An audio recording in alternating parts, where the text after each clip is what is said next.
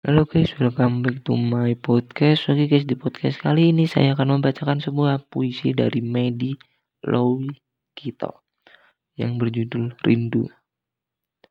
Apalah arti sebuah mimpi ketika lelap terserak pada malam-malam tanpa suara. Ku cari hadirmu lepas fajar hingga petang. Tersendat, tergeragap, laksana petir tanpa gelegar.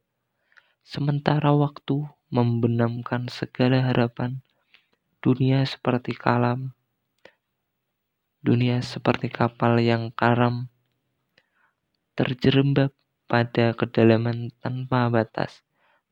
Tiada yang lebih pasti daripada gelap, tatkala bulan kehilangan cahaya dan halilintar kehilangan kilatnya.